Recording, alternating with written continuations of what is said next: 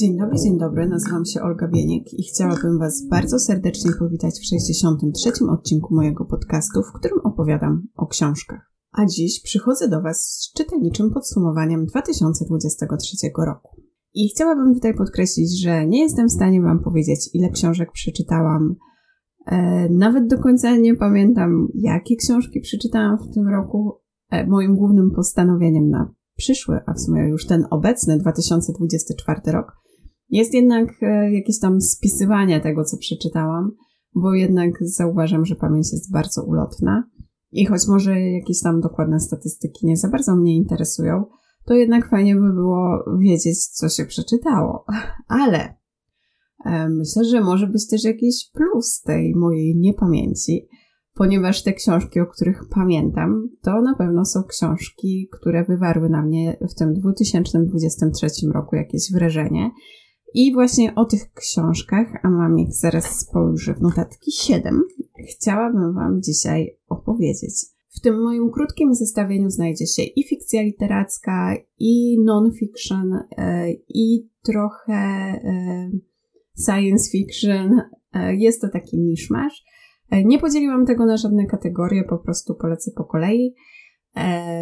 Nie, jakby kolejność też jest zupełnie niczym nieuzasadniona. Nie mam zamiaru tutaj stawiać jakichś książek na podium albo nie. Po prostu chciałabym Wam w ogromnym skrócie powiedzieć, co mi się w tym roku podobało i co moim zdaniem jest warte przeczytania. Oczywiście to jest tylko i wyłącznie jakaś moja subiektywna opinia, tym bardziej, że no ja nie czytam jakoś wybitnie, wybitnie dużo. Więc, no, wiecie, nie jestem w stanie przeczytać pewnie nawet jednej setnej tego, co wydaje się na polskim rynku wydawniczym, ale może, a nuż jakaś z książek Was zainteresuje. Tym bardziej, że w ubiegłym roku nagrałam bardzo, bardzo mało odcinków podcastu. Szczerze mówiąc, jak to sprawdziłam, to byłam aż zaskoczona, że tak mało. E, kolejne postanowienie na ten rok to to, żeby jednak tych e, podcastów nagrywać więcej. Mm, więc o większości tych książek w ogóle y, nie opowiadałam, e, więc mam nadzieję, że to jest taka okazja, żeby o nich wspomnieć. Nie mam zamiaru też tutaj rozgadywać się na temat poszczególnych e, pozycji. Na temat niektórych mam zamiar nagrać e, jakieś tam jeszcze odcinki podcastów, żeby szerzej o nich opowiedzieć. Także chcę o nich tylko wspomnieć i w jakichś tam trzech punktach nakreślić, co charakterystycznego jest dla tych książek. No dobra, to, y, jak to się pięknie mówi, do brzegu. Pierwsza z książek to Ptaki, które zniknęły, autorstwa Simona Jimeneza.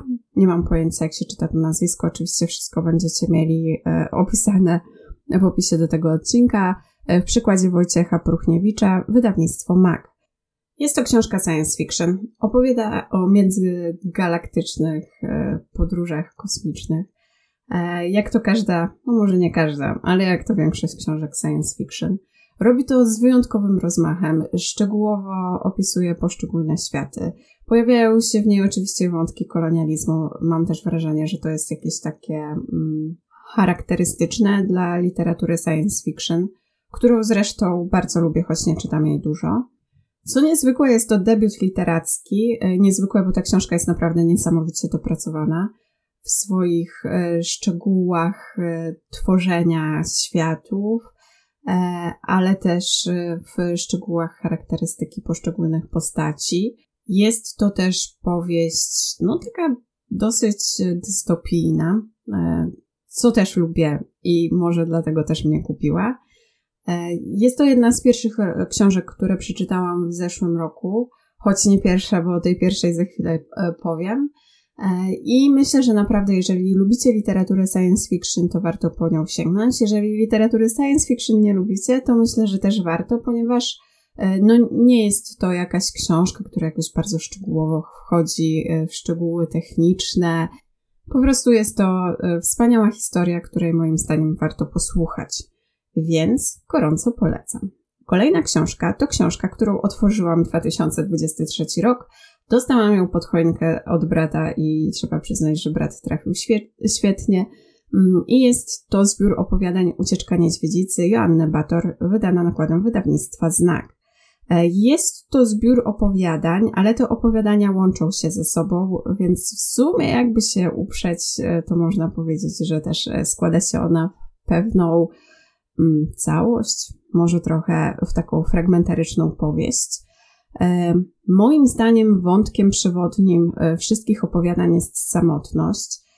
E, ale też takie nowe otwarcie. Myślę, że większość tych opowiadań kończy się w takim punkcie, że można by się było zastanawiać, co będzie dalej i e, gdzie mm, bohaterowie poszczególnych opowiadań zostają w takim momencie, gdzie podjęli jakieś istotne dla swojego życia decyzje, czasem e, tragiczne, ale też nie wiemy do końca, co, e, co po tych decyzjach nastąpi. Może okaże się, że wcale takie tragiczne nie były. E, jest to też książka z takimi elementami realizmu magicznego. Tu nie dziwi ani kobieta zmieniająca się w nietoperza, ani gadający żółw, nawet tajemniczy hotel Sudety, zresztą bohater jednego z moich ulubionych opowiadań z tego zbioru. Jest naprawdę gęsto, jest ciężko, ciężko się też e, oderwać od tej książki. Czasem ma takie elementy horroru, że ciarki trochę przychodzą po plecach, ale naprawdę myślę, że Joanna Bator stworzyła coś niezwykle ciekawego i warto po tą książkę sięgnąć. E, ja w sumie nie czytałam żadnej innej książki Joanny Bator i może powinnam to w końcu nadrobić.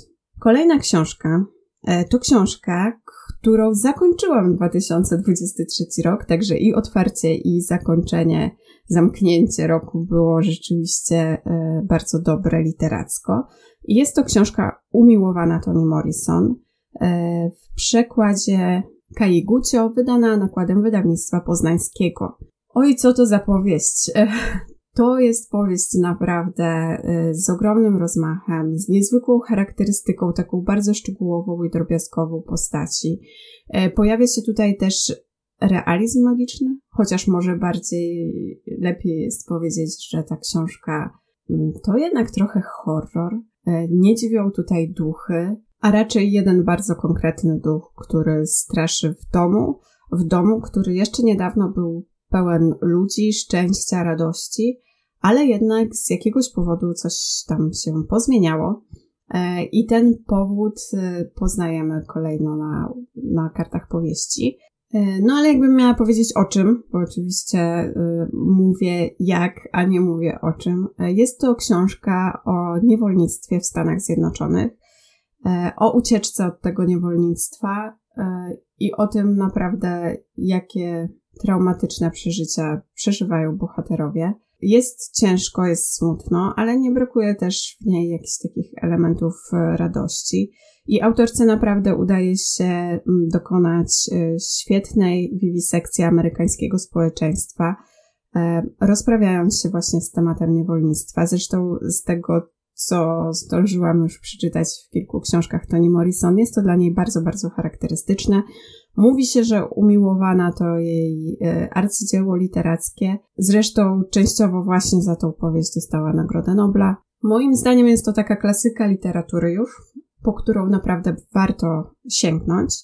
E, jeżeli chcecie posłuchać o tej książce więcej, to polecam posłuchać podcastu Raport z Literatury. Tam Aga Butnik ma cały odcinek o Toni Morrison i poświęcony tej autorce e, i dużo opowiada o jej twórczości właśnie na kanwie umiłowanej. E, w momentach, kiedy ma zamiar trochę spoilerować książkę, ostrzega, więc można się na chwilę wyłączyć. Ja tak słuchałam, wiedząc, e, że książkę mam już zamówioną i że na pewno ją przeczytam. Nie chciałam sobie psuć lektury, e, tym bardziej, że powieść jest momentami zaskakująca i jakby też ma ciekawą, rozbudowaną fabułę. Pojawiają się w niej jakieś tam zwroty akcji, więc myślę, że lepiej sobie tej lektury Mm, poznaniem wcześniej fabuły nie psuć. Możecie też najpierw przeczytać książkę, a potem posłuchać, e, co ma o niej do powiedzenia Aga Budnik. Dobra, lecimy dalej, bo jeszcze mam kilka tych pozycji. Kolejna książka to Stoner Johna Williamsa, wydana e, nakładem wydawnictwo Wiltry. Ja o tej książce już opowiadałam szerzej, bo to jest chyba jedyna książek, z książek, e, które tutaj mam w tym zestawieniu, o której udało mi się nagrać odcinek podcastu. E, jest to powieść uniwersytecka. Ja takie powieści bardzo lubię, więc jeśli jeszcze jakieś takie znacie, to możecie mi pod, podrzucić tytuły. Chętnie poczytam. Jest to książka również o samotności, szczególnie samotności głównego bohatera. Ale to, co mi się w niej tak najbardziej podobało, to moim zdaniem ta książka podejmuje również taką dyskusję na temat tego, czy zawsze trzeba być bardzo, bardzo ambitnym. E, czy może też ważniejsze jest to, aby w tym miejscu, w którym się jest, e, znaleźć e, szczęście i czerpać satysfakcję z aktualnych osiągnięć i, i że nie ma nic złego w byciu takim trochę przeciętnym, chociaż główny bohater chyba aż tak bardzo przeciętny nie był i był świetnym, cenionym wykładowcą, ale jakoś nie miał za bardzo ambicji, potrzeby iść dalej, może też życie zmusiło go do tego, żeby trochę z jakichś ambicji zrezygnować, ale starał się e, odnaleźć szczęście w tym miejscu, w którym był, chociaż nie było to łatwe. E, jest to skomplikowana postać ze skomplikowanym życiem osobistym, także naprawdę e, świetnie napisana książka, którą czyta się z przyjemnością. Widziałam, że znalazła się ona w wielu zestawieniach najlepszych książek przeczytanych w 2023 roku.